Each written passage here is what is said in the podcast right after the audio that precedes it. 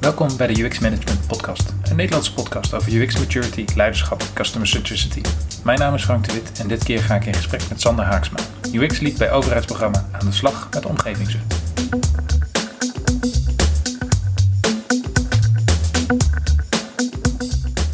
Sander en ik kennen elkaar vanuit de opleiding Vormgeving en Ontwerp van Interactie aan de Haarse Hogeschool, tegenwoordige CNW. Sinds zijn en ook mijn afstuderen in 2003 heeft Sander Bakker ervaring opgedaan als usability consultant en interactieontwerper. Daarbij staat gebruiksvriendelijkheid altijd voorop en zoekt hij actief de samenwerking met andere disciplines.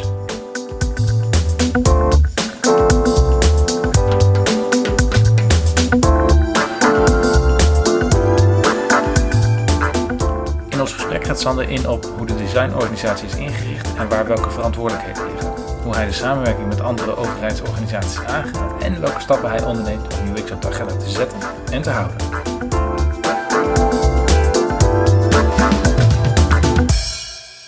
Kan je mij een beetje vertellen hoe jij uh, tot deze rol bent gekomen en hoe je hem vervolgens ook invult?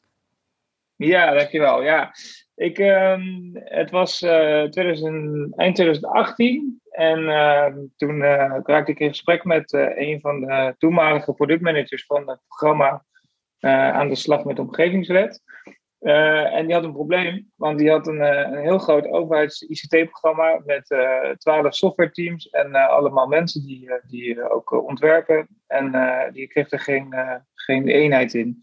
Dus die vroeg van, joh, kun je mij helpen? Dus nou ja, het is prima, daar ben ik, uh, ben ik op ingegaan, heb wat gesprekken gedaan.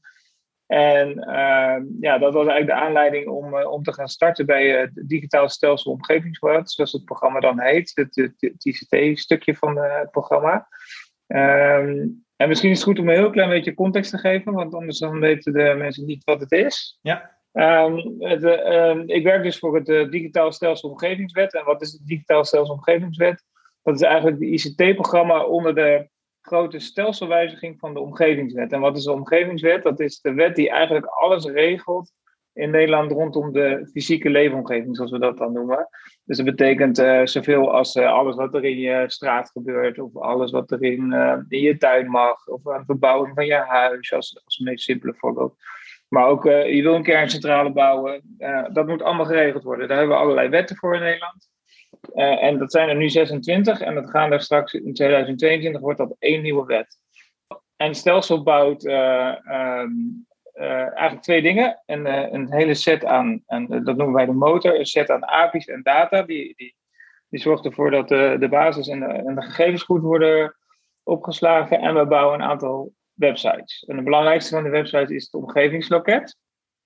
En die is ook het meest zichtbaar. En op het omgevingsloket kunt straks iedereen naartoe gaan om een aantal dingen te kunnen kun je daar doen. Uh, het checken van vergunningen, of je een vergunning nodig hebt, uh, het aanvragen van een vergunning en uh, ook kijken wat voor regels er in jouw omgeving allemaal gelden. Nou, dat is eigenlijk een, in de notendop wat het DSO is. Dat is nogal omvangrijk. Van een, ja. als ik het goed begrijp, een kernreactor, zei je, tot aan je voortuin. Ja, ongeveer, ja. Oké. Eigenlijk alles wat er in de leefomgeving uh, in, uh, in Nederland gebeurt, uh, is geregeld. Je wil niet weten hoeveel regeltjes en wetten er zijn. Ja, ja. Zowel lokaal, landelijk, provinciaal als, als de waterschappen hebben we in Nederland. Mm -hmm. nou, dat komt allemaal bij elkaar in die ene nieuwe wet straks. En, en dat moet dus allemaal met ICT geregeld worden. En daar is het programma voor opgezet. Oké. Okay. En wat was de, de deadline? Je zei eind Uh, ja, uh, 1 januari 2022 is de beoogde inwerkingtreding. Ik zeg beoogd, okay. want de politiek moet nog, uh, uh, de Kamer, de Tweede Kamer en de Eerste Kamer moeten nog dat bekrachtigen. Maar goed, er is wat gebeurd met een kabinet gevallen en het was al een beetje onzeker aan te worden. Ja. Want dat hoort dus bij overheidswerk. Maar het ziet er nou uit dat het allemaal wel 1 januari in werking gaat. En, ja, en dan begint het eigenlijk pas. Okay. Dus dan gaan we pas echt los. Hey, en en hoe, uh, hoe zit uh, design daar dan in? Wat is uh, design of research en design? Wat, wat, hoe is dat dan geregeld binnen zo'n programma? Nou, we werken met het SAFE Framework. Nou heb ik jou al in eerdere podcasts mensen daarover horen praten. Dus ik ga ervan uit dat iedereen die dit luistert weet wat het is. Um, en we hebben nu twaalf Scrum teams. Um, En in zeven Scrum teams zitten UX'ers, vaste UX'ers. Ja.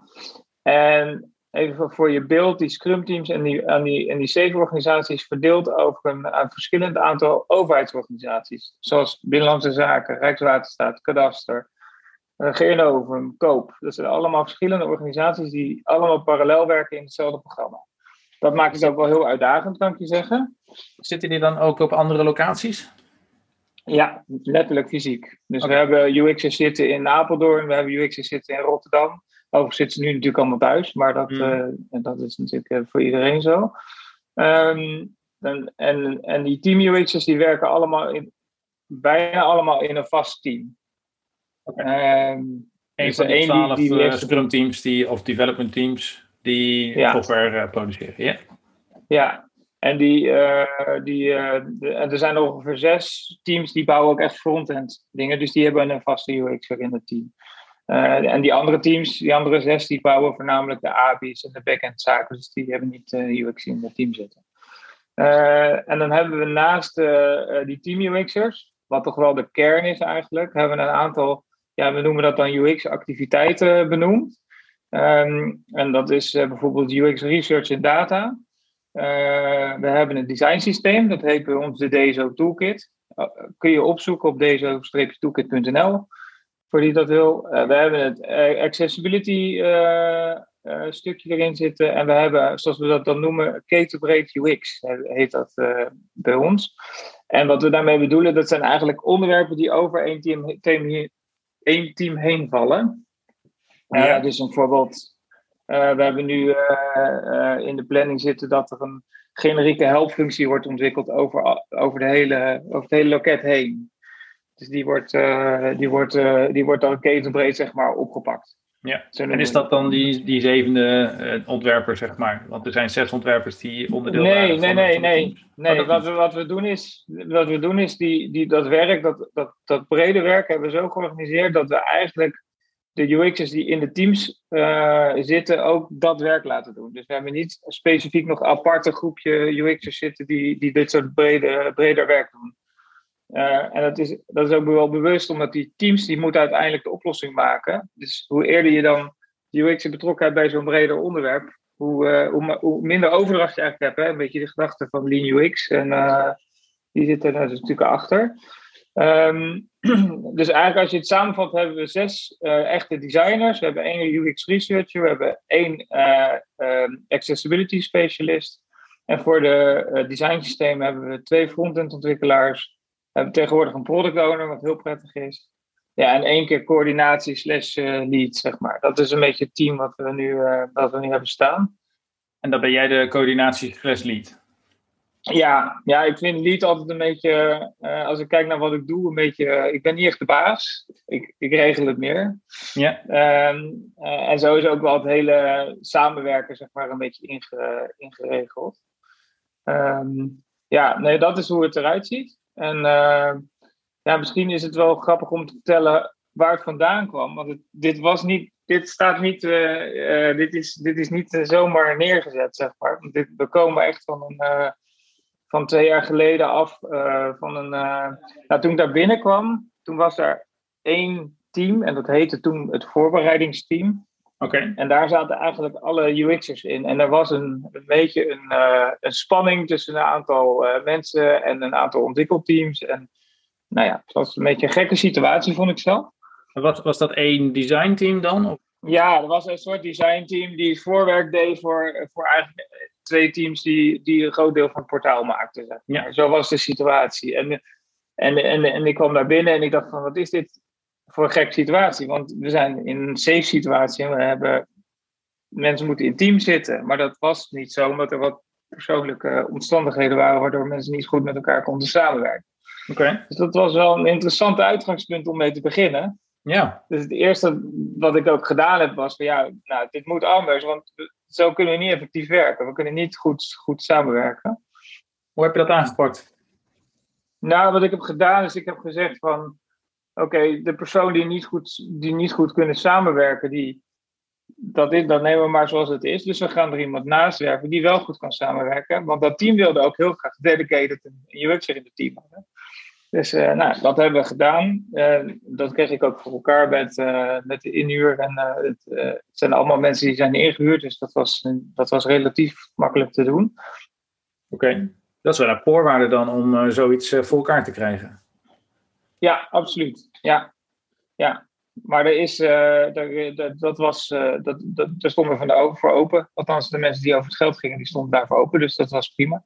Daar heb je niet veel voor doen, begrijp ik. nou, een beetje lobbyen. Oké. Ja, dat is natuurlijk interessant. Hoe, hoe, hoe doe je dat? Wat, wat, uh, hoe zorg je ervoor dat ja. mensen de waarde van jouw plan inzien? Nou ja, de, de, door ze uit te leggen, dat is een goede vraag. Die had ik natuurlijk niet voorbereid. Ehm, hoe doe je dat? Ja, een beetje geluk hebben met de juiste mensen, denk ik. Mensen die ervoor openstaan op dat moment. Het is heel vaak, merk ik, gewoon een soort van momentum hebben op het goede moment ergens uh, de goede vragen stellen. Dat brengt je heel ver. Hoe je die mensen dan uit? Of zijn, zijn het die mensen die zitten in een bepaalde positie misschien?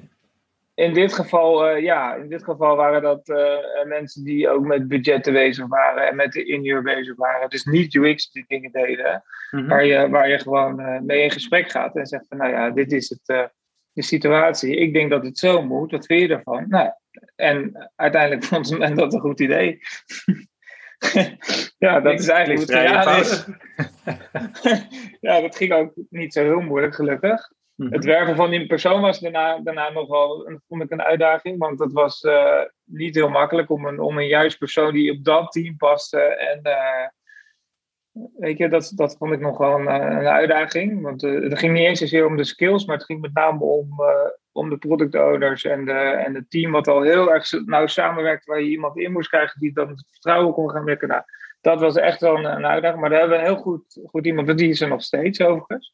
Oké, dus, dus, de design skills uh, waren minder belangrijk dan de, dan de samenwerking. Uh, ja, dat vond, ik, dat vond ik op dat moment wel. Want de dynamiek in dat team, dat was zo, uh, die was zo sterk.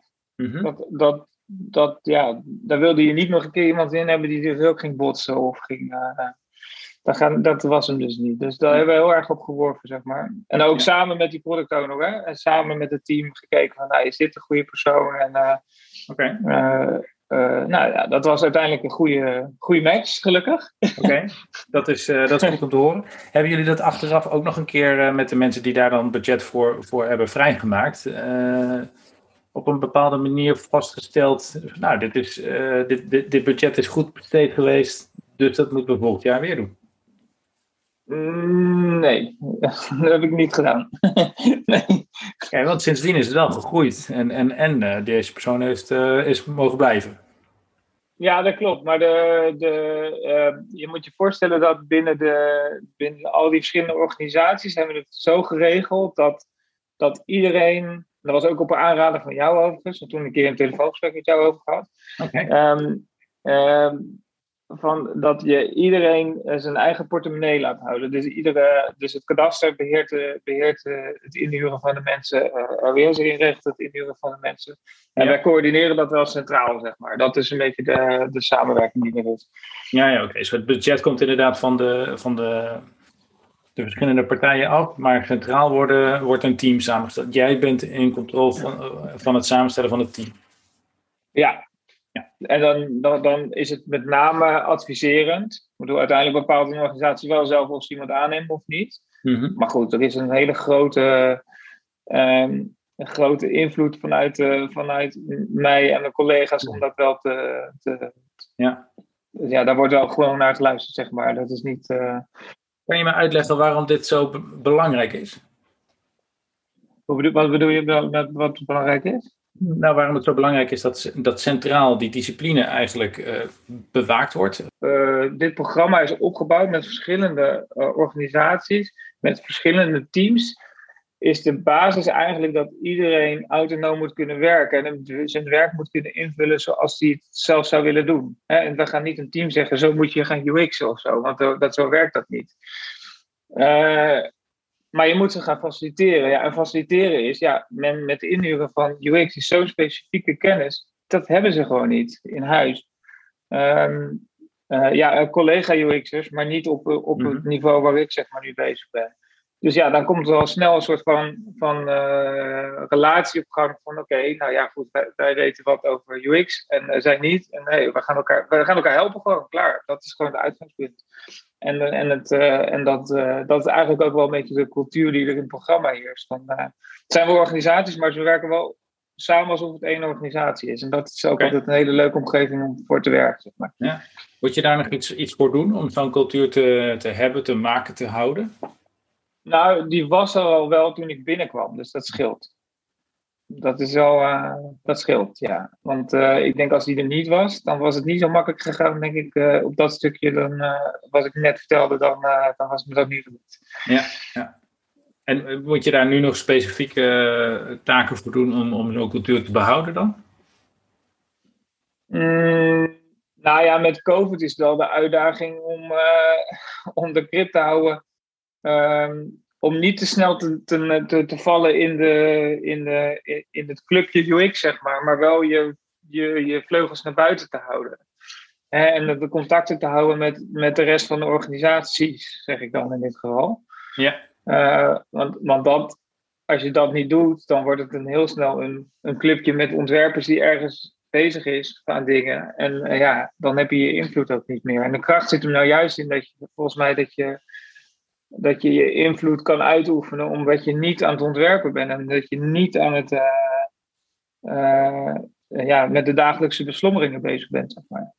dus, uh, ja. Okay, dus je bent actief, je gaat actief de, de organisatie, organisaties in, ja, ja, ja. om contacten Zeker. te leggen en Zeker. de waarde van, van ja. design te blijven promoten. Nou, weet je, het stom is, ik promoot geen design of ik promoot geen UX ik kijk gewoon naar wat voor problemen liggen er eh, op, uh, uh, in het programma nu. Of waarvan ik denk dat het een probleem is. Ze zien ze, zien ze zelf nog niet. Ja. ja we hebben dus bijvoorbeeld nu. Uh, een mooi voorbeeld is nu laatst was er een. Nou, de, de, de, als we straks live zijn, er is een, een proces opgezet om meldingen te doen. Hè, dingen die niet goed gaan. Nou, dan zie je dat die wordt, dat wordt gecoördineerd door een aantal mensen. Maar ja, die hebben geen kaas gegeten van usability of waar moet ik op letten of dat soort dingen. Uh, en, dan, en wat we dan doen is, althans wat ik dan doe met een aantal collega's, is dan, dan gaan we gewoon naar die mensen toe en zeggen wil, wil je wat leren over usability? Of wil je wat leren? En dan staan ze bijna altijd wel voor open. Maar dan heb ik het niet over UX of over design of over helemaal niks. Dan ga ik gewoon kijken naar wat zijn zij aan het doen en hoe kan ik hun helpen? Of hoe kunnen we zorgen dat dat beter wordt, zeg maar.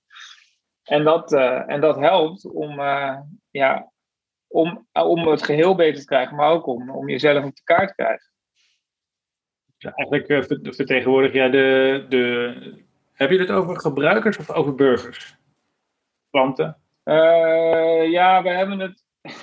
de term gebruikers is nogal een beetje een dingetje. Okay. Want we hebben, uh, om je even een voorbeeld te geven, er zijn burgers en bedrijven, zoals we dat noemen. Hè? Dat is in ieder, zeg maar. Uh, dat ben jij, dat ben ik. Uh, um, maar er zijn ook ehm, gemeentes, die, medewerkers van gemeentes, die straks de, die toepassing gebruiken. Ja. Of er zijn commerciële bureaus die dat gaan gebruiken. Of, nou ja, et cetera. Er zijn heel veel doelgroepen. Dat is altijd een beetje lastig want als de ene het over een gebruiker heeft, dan praat hij het over de gemeente. En als de andere het over een gebruiker heeft, dan heeft hij het over een burger of een bedrijf.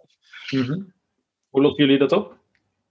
Nou ja, in ieder geval door mensen continu te laten inzien van let op over welke gebruikers hebben we het hier. Want uh, dat is toch wel een, een, uh, een dingetje, zeg maar. Ja. Maar goed, maar als je dus naar een organisatie toe gaat uh, en, en je, je vraagt hun, uh, nou niet zozeer naar hun problemen, maar vraagt hun naar hun uitdagingen, dat is, dan breng je eigenlijk uh, de, de, de, de eindgebruiker, ik noem, noem, hem dan toch maar even eindgebruiker, in dit geval, de eindgebruiker breng je aan tafel om die inzichten naar hun toe te brengen van nou, wat, wat leveren jullie voor deze eindgebruiker op? Ja, ja, precies. Dat is eigenlijk wat je dan moet, moet doen in mijn ogen, want dan ja, men is uh, bewust onbekwaam, zeg maar. Men weet het niet eens. Mm Vaak. Ze zien, ja, men is bezig met hun eigen dingen, met een meldingenproces en, en zit daarin. Ja. Dus dan moet je soms mensen even een beetje uh, wakker schudden of even, even attent maken van kijk hier, dit gebeurt er. Dus dan nemen we gewoon wat ja. gebruiksonderzoek mee of weet ik het, wat, wat input en dan, uh, en, dan, en laten we dingen zien. En dan, en dan bedenken we van oké, maar, maar, misschien kun je dat proces ook wat anders inrichten. Of je kan het, de registratie van zo'n melding kan je anders inrichten. Nou ja, dat zijn dan zaken om, om, om invloed te hebben op, op UX, zeg maar. Want dat is eigenlijk waarom je het natuurlijk ook een stukje doet. Nou, je gaf het al aan inderdaad, dan, dan breng je een gebruikersonderzoek mee. Hoe, hoe zorg je ervoor dat buiten naar binnen wordt gebracht? Nou, wat we nu, uh, wat we, eigenlijk, het belangrijkste vind ik eigenlijk is door, door ervoor te zorgen, dat, en dat heb ik in het begin vrij snel gedaan, is te zorgen dat je continuïteit hebt in onderzoek doen. Dus dat je gewoon budget hebt en zegt, nou, elk kwartaal doen we minimaal één of twee onderzoeken. En uh, hoe weten we nog niet, of wat de onderwerpen zijn, maar die doen we standaard. Gewoon altijd. Want dan creëer je momentum mee. En dat, en dat helpt, want daarmee verwachten mensen dat er ook onderzoek gedaan wordt. En daar wordt ook over gepraat. En, dan, en daarmee breng je buiten al naar binnen.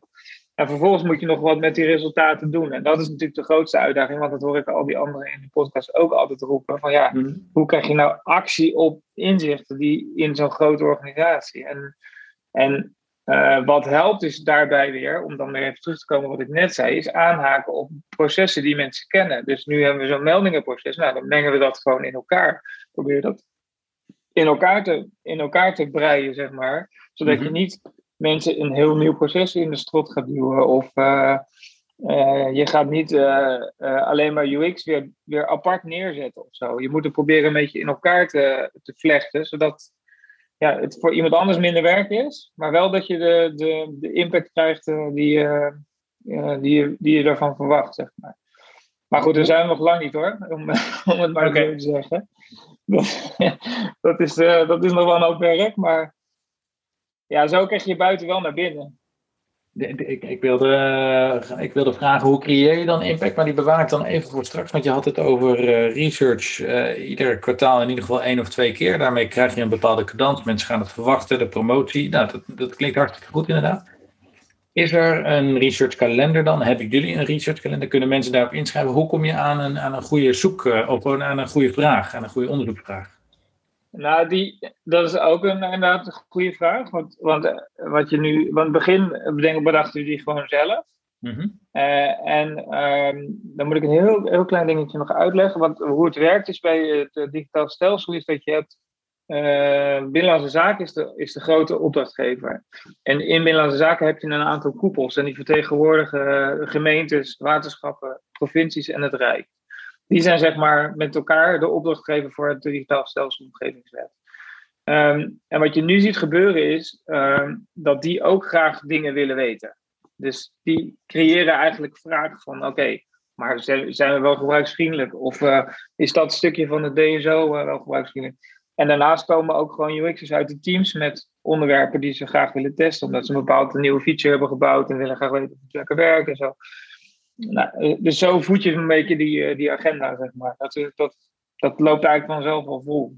En hoe ga je dan vervolgens prioriteit bepalen? Of kunnen jullie anders alle onderzoeken aan die. Uh... Nou, tot nu toe hoeft dat niet, nee. Tot nu toe hoeft het nog niet. Maar, maar ja, kijk, als, uh, als dat moet, dan, uh, ja, dan moeten we daar eens over na gaan denken. Dat weet ik nog niet. ja. dat, is nog niet dat is nog niet gekomen. Oké. Dat is ook een beetje de instelling, hè? Je moet, je moet niet te veel plannen, maar je moet gewoon uh, flexibel zijn en kunnen reageren op wat er gebeurt. Want het is ook niet te plannen. Het is zo groot en zo uh, onvoorspelbaar eigenlijk, dat uh, kalenders hebben ook niet zo heel veel zin wat dat betreft. Visie wel. Meeste onderzoekvragen komen uit de designer.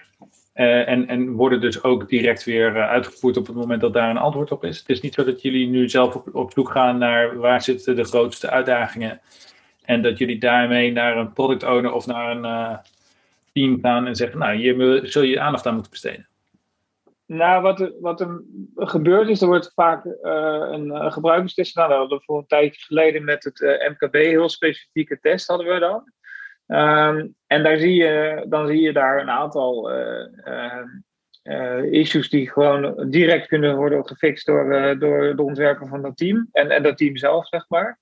Ja, en soms zijn het terugkerende onderwerpen, waar, waar toch wel eventjes wat of het verder over nagedacht moet worden, of er moet toch geprioriteerd worden op, op de programma-backlog, zeg maar. Dan is het echt een groter epic, zullen we maar zeggen. Ja, en dan gaat het via onze product managers gaat het, op die manier komt het dan op de product backlog en dan, sorry, programma backlog.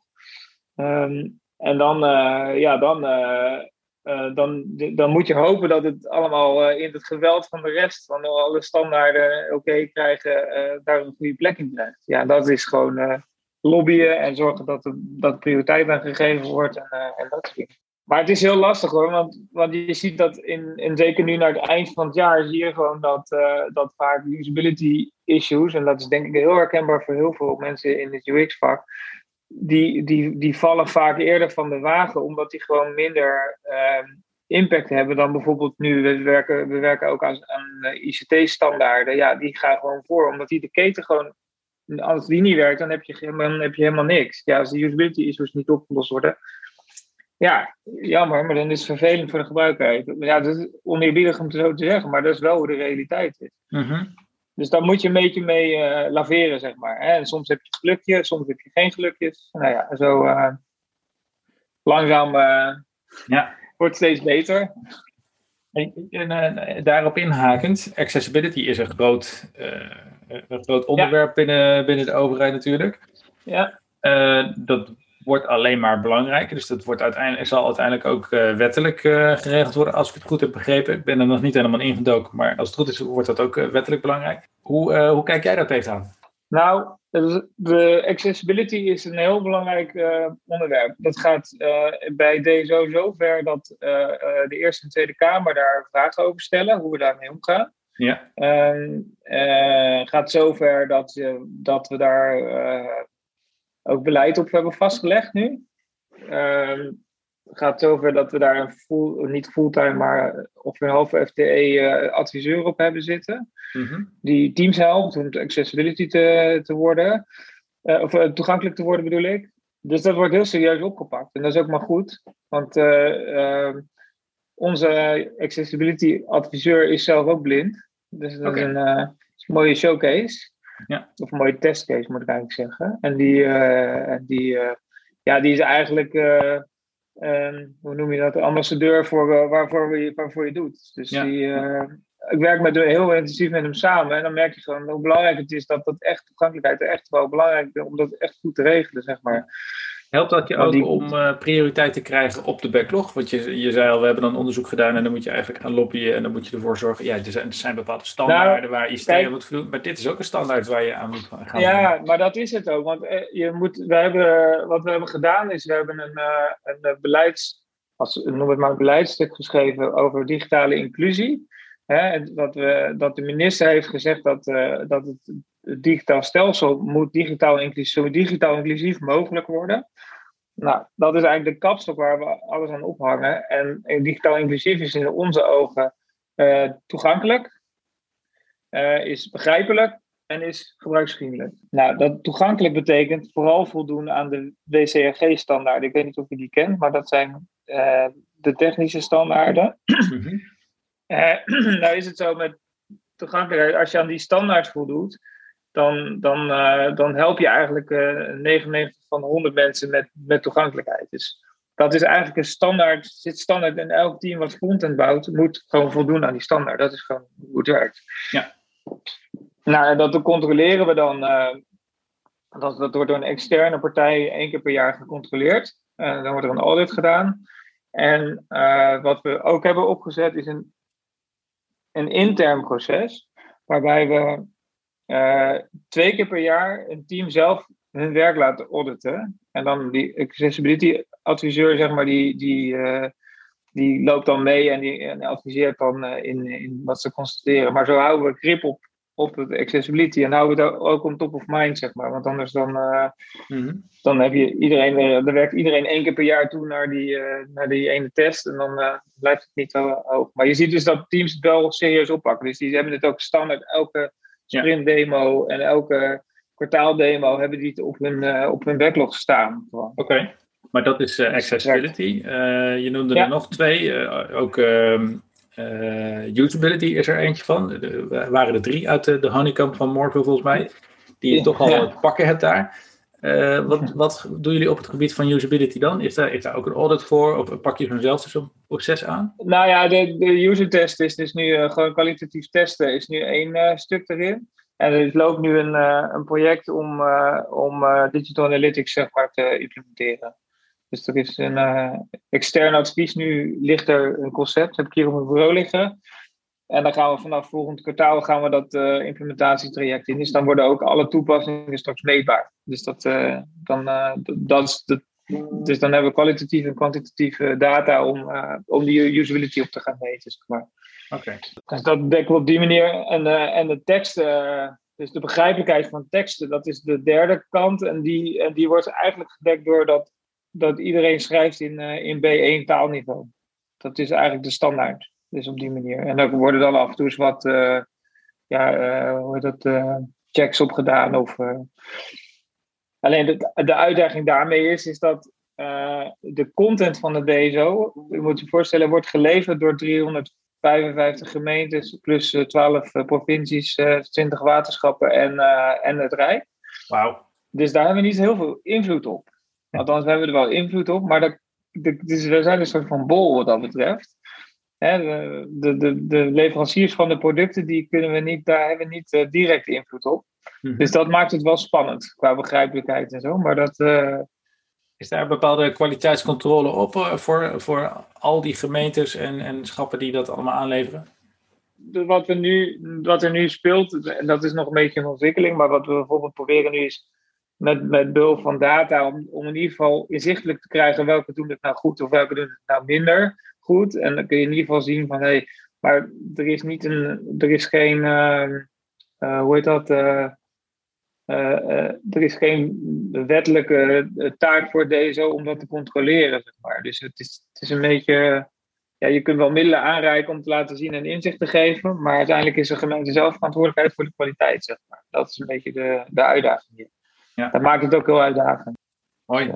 Even terug naar de, naar de, de impact dan, uh, waar je het al eerder over had. Hoe creëer je impact? Je kan op, eigenlijk op twee manieren impact creëren. Uh, uh, de ene manier is gewoon uh, bottom-up, dus gewoon een initiatief doen en nemen vooral. Dus bijvoorbeeld met wat we hebben gedaan met accessibility, is gewoon toen Tim nog geen adviseur was, zo heet onze accessibility adviseur, hadden we hem uitgenodigd om eens een keer een presentatie te komen geven over hoe ervaart hij nou het blind zijn en, en, en, en het internet. Hoe gebruikt hij dat nou om mensen die, dat inzicht te geven? Nou, dat had heel veel impact. Want daarna dat gesprek hoorde je van, jeetje, ja, nu snap ik waarom ik al die weekacht dingen moet doen en waarom, we, nou ja, et cetera. Dat gebeurde dat. Dus dat, dat is een leuk voorbeeldje van impact. Nou, gevolg was dus dat we Tim hebben aangetrokken om in het programma te komen om het mee te helpen verder te ontwikkelen. Dus dat was een leuke, leuke manier. En, en daardoor is, uh, nou ja, zijn we, laat ik zo zeggen, de impact is dat we uiteindelijk nu met, met toegankelijkheid helemaal onder controle zijn. Dus we zitten nog niet op niveau A, maar we zitten op niveau B. Dat is het ene hoogste. Hm. Dus, uh, dat, en er, is, er worden ook geen vragen meer over gesteld, want dat is ook de impact die het heeft, hè, politiek gezien. Um, en een andere manier om impact te maken is uh, en die is misschien heel specifiek voor de overheid. Maar wat, wat, uh, wat is gebeurd is dat we zijn, dus dat die notitie over digitale inclusie gaan maken. Van hoe zien we dan digitale inclusie en, wat, en, en hoe, hoe, hoe zien we dat? En dat heeft de minister in haar brieven gezet. En ik kan je zeggen, in een overheidsland maakt dat echt wel impact. Oké. Want dan betekent het, als eigenlijk is het zo, als de minister het vindt, dan moet je het doen. En dat is een beetje de, de kapstok voor ons om ook, uh, om ook dingen uh, uh, voor elkaar te krijgen, zeg maar. Mm -hmm. Nou is niet zo leuk dat misbruik of zo, maar het helpt wel mee, zeg maar. Ja. ja, ja. Het, is, het helpt mee. Dus dat zijn wel twee voorbeelden van hoe creëer je nou impact in een overheidsorganisatie als je met UX bezig bent, zeg maar. Ja. Maar hoe zorg je er nou voor dat de minister daar dat inderdaad ook gaat uh, nou ja, opnemen in haar brieven dan, of, of uh, ook gaat uitdragen? Nou ja, dat werkt met ambtenaren en mensen die uh, beleidsadviseur zijn. En, daar kan ik wel nog een half uur over doorpraten hoe dat werkt, ik weet niet of dat heel interessant is. Nou, ik, vind het interessant in ieder geval dat je, je laat inderdaad bottom-up laat je dingen gebeuren. Laat je, laat je dingen zien, zodat je daar voor elkaar krijgt wat je voor elkaar wil krijgen. En tegelijkertijd probeer je, je de mensen die in een hogere rang zitten te voeden met de elementen waar, die voor jou, voor jullie, voor jou en je team belangrijk zijn. Om uiteindelijk ja. die gebruikers zoveel mogelijk centraal te stellen. En ik denk dat dat niet alleen voor de overheid zo zal zijn maar dat is uiteindelijk ook het doel. En ik denk de crux is dat je, uh, uh, je moet de taal gebruiken die op dat niveau past.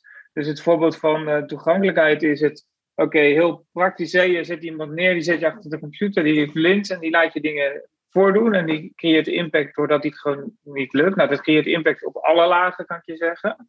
Want ook op bestuurlijke lagen.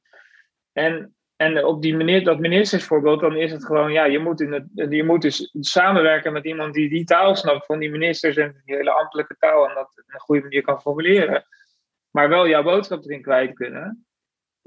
En dan heb je dus het effect dat dus de Kamer vragen gaat stellen op de manieren waarop jij uh, praat. En dat maakt dus ook impact. Maar je moet dan je wel aanpassen en dat kunnen aanpassen naar de manier waarop dat soort mensen, om het maar even zo te zeggen, mm dus denkt en praat en doet. En dat is denk ik de kunst. En dan maakt het niet uit of het nou een minister is of een directeur in een grote organisatie. Maar als je die taal kan, dan kan je impact maken. Ja, dat is, dat is een belangrijk onderdeel van uh, eh, UX management. Om ervoor te zorgen dat je in, in ieder geval dezelfde taal spreekt. En dat geldt zowel voor bottom-up eigenlijk als van, van top-down. Allebei. Ja, helemaal mee eens. Ja. Wat was voor jou afgelopen jaar de, grootste uitdaging uh, en, en hoe ben je hiermee omgegaan? Nou, een van de uitdagingen vond ik zelf persoonlijk was om, uh, om het echt een plek te geven. Want wat je ziet is dat natuurlijk een, er wordt zo'n programma opgetuigd. Het is een heel groot programma. Dan worden er heel veel mensen ingevlogen. Dat zijn, nou, denk uh, van de tien zijn er acht externe in zo'n overheidsprogramma. Dat is ook omdat het natuurlijk een tijdelijk iets is. En er is een transitie nu gaande naar een beheerorganisatie. En dan, en dan moet je echt zorgen dat je op de, uh, ja, in de boeken komt, zeg maar zeggen. Hè? En je moet een, een, een, een item worden op de begroting.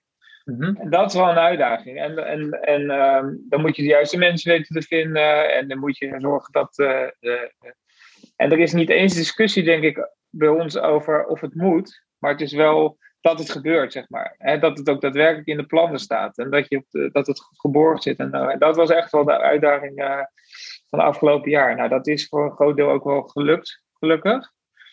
Um, uh, maar ja, ik had er wel een leuke anekdote opgeschreven. Want ik heb vorig jaar op een gegeven moment had ik een gesprek met een van die managers die zeg maar die transitie aan het begeleiden is. Ja. En, en daar begon ik een gesprek mee. En hij zegt, ja, Oh ja, UX, ja, ja, ja, ja. En dan zie je maar weer hoe klein je eigenlijk in zo'n groot geheel bent. En zo nederig moet je dan ook maar blijven. Want anders dan, uh, je moet niet denken dat je de wereld bent, want dat ben je gewoon niet. Um, maar die begon over, ja, UX, dat zijn toch mensen die plaatjes maken, heel operationeel. En nou ja, je, je herkent het wel. Ja. Uh, dus toen dacht ik, oké, nu ben ik weer uh, zes, zes twee jaar terug in de tijd ongeveer. Dus... Ehm, en toen dacht ik van ja, shit, ik moet zijn taal spreken. En toen bedacht ik me dat uh, er is door mij, niet om alles, uh, alle credits naar mij toe te schuiven, want het is ook het hele team natuurlijk, maar doordat ik was gekomen en het team erg gestructureerd is, is er op een gegeven moment vanuit een van de koepels is er een adviseur afgegaan. En dat was best een strategisch adviseur, want dat was namelijk usability adviseur. Oh ja. Oftewel, ze, wil, ze wilden gewoon meekijken hoe, het, hoe goed het ging, zeg maar. Mhm. Eh, dus dat vertelde ik aan hem en toen was het ijs gebroken. Want toen dacht hij, oh, dit is toch wel weer van waarde dit. dus vanwege het feit dat er een accessibility uh, adviseur is, is afgehaald eigenlijk, uh, ja. zag hij de voordelen voor het programma om, om mensen, weliswaar operationeel dan, op, op dat niveau te laten opereren. Hij dacht van, ja, maar we hebben dit minder gezeur, zullen we zeggen. Dat is eigenlijk een beetje de, Hè, dat is dan het probleem wat hij had. Ja, maar dat, dat, was, dat vond ik wel een mooie anekdote. Want toen dacht ik van ja, dit is dus waar het ook om gaat, weet je. En dat heeft niks met design te maken, dat heeft niks met research te maken, dat heeft gewoon te maken met iemands probleem. En welk probleem heeft hij? Hij heeft gezeur van andere mensen. Klaar, punt. Of een begrotingsprobleem of gezeur van andere mensen, dat zijn, uh, onderwerpen waar je, waar je op in kan spelen. Ja. Wat, uh, wat brengt uh, de toekomst uh, volgens jou voor UX management? Voor UX management algemeen? Ik denk dat het een hele leuke toekomst wordt. Dat er nog heel veel te doen is. en, dat, dat ik hoop dat er nu ook. Um, wat ik heel, ook hoop is dat er meer mensen op gaan staan die, die is verder willen, willen en, en kunnen kijken dan alleen maar design en research. Want het is, er is nog zoveel leuke, leuke dingen te, te doen en, uh, en te ontdekken.